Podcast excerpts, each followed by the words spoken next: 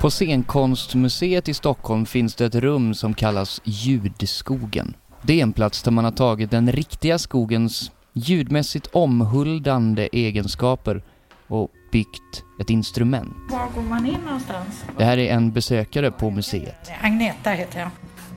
Vi går in i det här rummet så får, får, vi, får du berätta bara vad du ser. Vad folk eh, ser när de kommer in i det här rummet, Det här är Roberto Bresin, professor och ljudforskare på KTH. de ser fem strängar från golv till taket som lyser. Det är någon slags optisk effekt. När man eh, rör vid en sträng, då kan skapas ett ljud. Tror du man får röra någonting eller? Ja, det mesta verkar ju gå att röra här.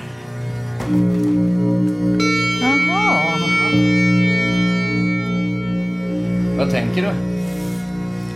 Rätt spektakulärt. Det ser ju ut lite som en skog.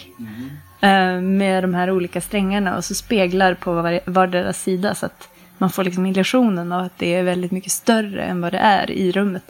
Det här är Maria W. Horn. Hon är tonsättare och har jobbat som kompositör på Ljudskogen. Det tog väl en del eh, experimenterande Eh, för mig och tills jag liksom kom fram till vad jag ville göra. Men sen fick jag då tillgång till en prototyp av det här instrumentet som var en fiberoptisk sträng på KTH. Um, ehm, och det var först när jag började jobba med den strängen som jag kanske förstod lite mer hur ljud och ljusdesignen skulle bli.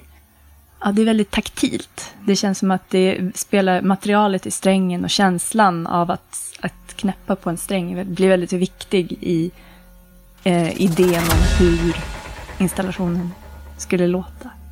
Ljudskogen är ett samarbete mellan Maria, Roberto Bresin och hans doktorander på KTH och Scenkonstmuseet. Det är en komposition, en ljusinstallation och ett konstverk. Men det är också resultatet av många års ljudforskning på KTH. Själva musikinstrumentet är en resultat av vår forskning. Just den där att det finns inget ljud utan rörelse. Det har vi forskat, vi har sett hur rörelse är kopplat till musik. Eh, och då är vi, vi, vi har ett överenskommelse, samarbetet med, med museet. Varje år kan vi göra några veckor där vi kommer hit med våra studenter och testar olika idéer och som publiken kan också testa. Det är alltid en femklang som låter i rummet. Eh, och varje sträng har liksom två olika stadium.